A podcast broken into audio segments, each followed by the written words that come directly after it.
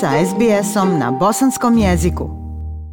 Izbor našeg današnjeg gosta, poštovani slušaoci, nije nimalo slučajan kako se dvije najmnogoljudnije savezne države Australije, Novi Južni Vels i Viktorija, nalaze u lockdownu i to već prilično dugo vremena. Potreban nam je istovremeno trezveni glas razuma da informiše o trenutnoj situaciji pandemije u Australiji, ali i glas utjehe i ohrabrenja u ovom teškom periodu iskušenja, izolovanosti, razdvojenost, frustracija pa i nezadovoljstva.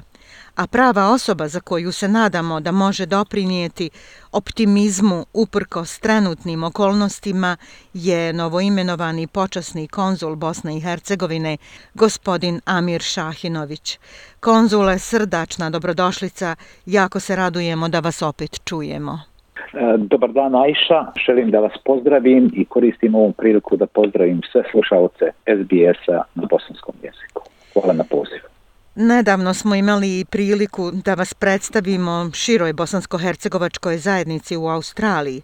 Mogu dodati da ste od momenta od kada ste imenovani zaista predano radili na informisanju naše zajednice o aktivnostima i planovima, servisima pomoći u Novom Južnom Velsu putem vaše konzulata, pogotovo U gradaciji širenja virusa u Sidneju i širem području grada, gospodine Šahinoviću, možete li nam reći kakva je trenutna situacija u Novom Južnom Velsu i Viktoriji? Mediji izvještavaju o sve većem broju slučajeva zaraze uprko s strogim restriktivnim mjerama.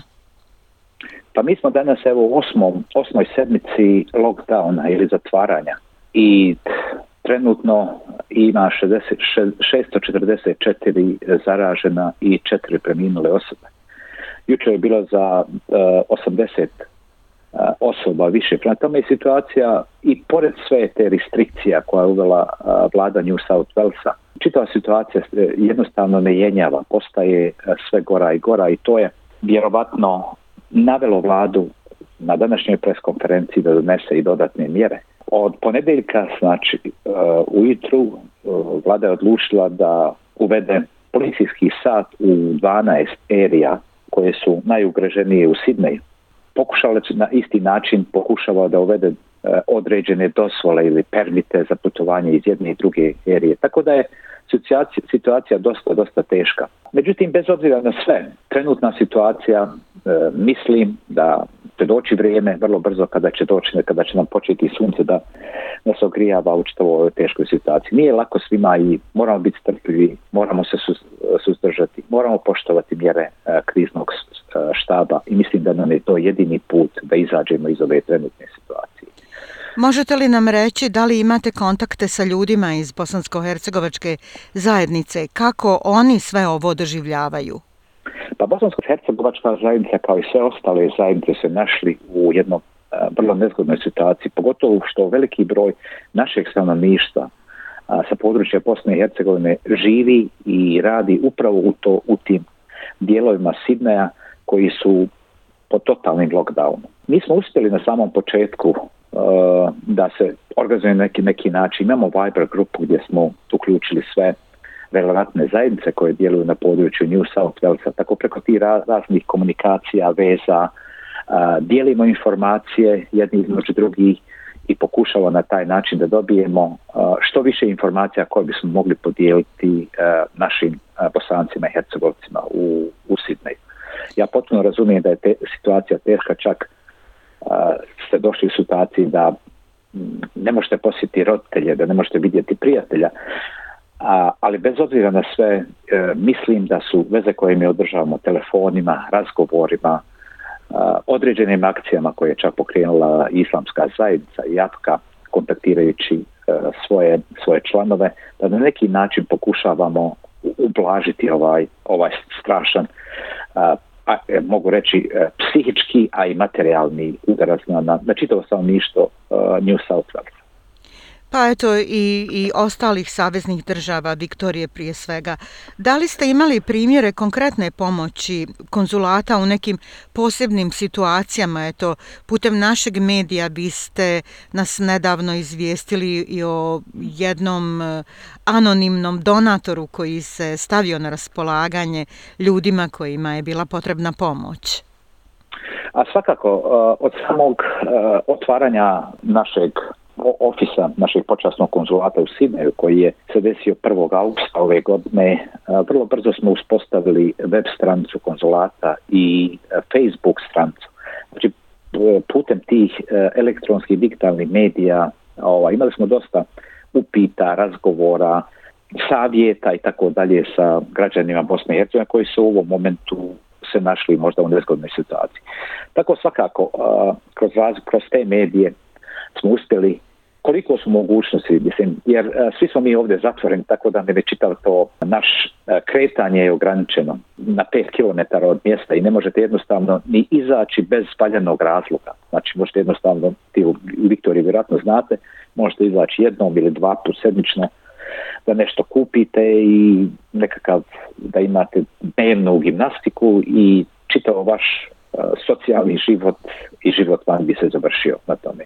Ali bez obzira na tu tešku situaciju smo uspjeli da kroz ljude u našem zajednicu da ih angažujemo, da jednostavno s različitim savjetima, da pokušavamo da razgovaramo sa ljudima. Jer ja mislim da je upravo taj razgovor jako bitan u ovoj situaciji. E, prije e, os, par sedmica e, doktor Nađa Perperović je upravo to najbolje i objasnila. Tako da razgovor u svakom slučaju pozivi će pomoći svima nama da izdržimo ovo teško vrijeme. Dakle, šta smatrate da je najvažnije za našu zajednicu i u Novom Južnom Velsu, u Viktoriji, pa i u cijeloj Australiji, u teškim momentima pandemije. Eto, vi ste jedna ilustracija. Jučer ste se vakcinisali i svojim primjerom, eto, možda želite da kažete i široj zajednici kako da se stane u kraj pandemiji.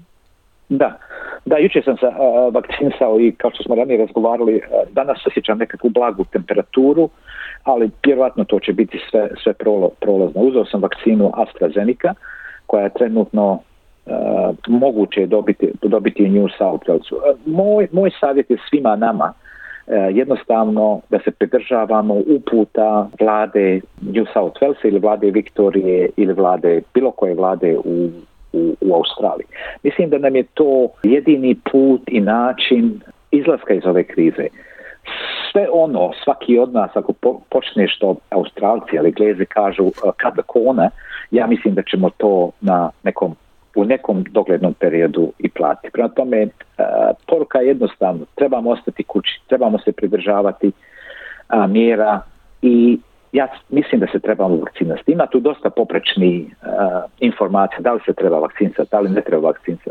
Ja to ostavljam svakom da razmisli i da, uh, da odluči, ali kak se sjetimo kad smo bili mali, ovaj, koliko su nas puta vakcinca, ali jednostavno dolazili su e, ovaj, te medicinske sestre, ja se dobro sjećam s onim velikim injekcijama, mi smo mala djeca to gledali i bojali se nite ko pitao hoće se vakcinice ili neće se vakcinice. Tako da smo dosta ti vakcina primili u prošlosti i mislim lično, ja nisam medicinski radnik, po struci da ne bi trebalo stvarati velike probleme oko ove vakcine. Ipak ljudi eh, su radili na tom projektu, ipak imaju rezultate, ipak treba vjerovati ljudima koji su zasluženi za razvoj te vakcine i za distribuciju svoje vakcine.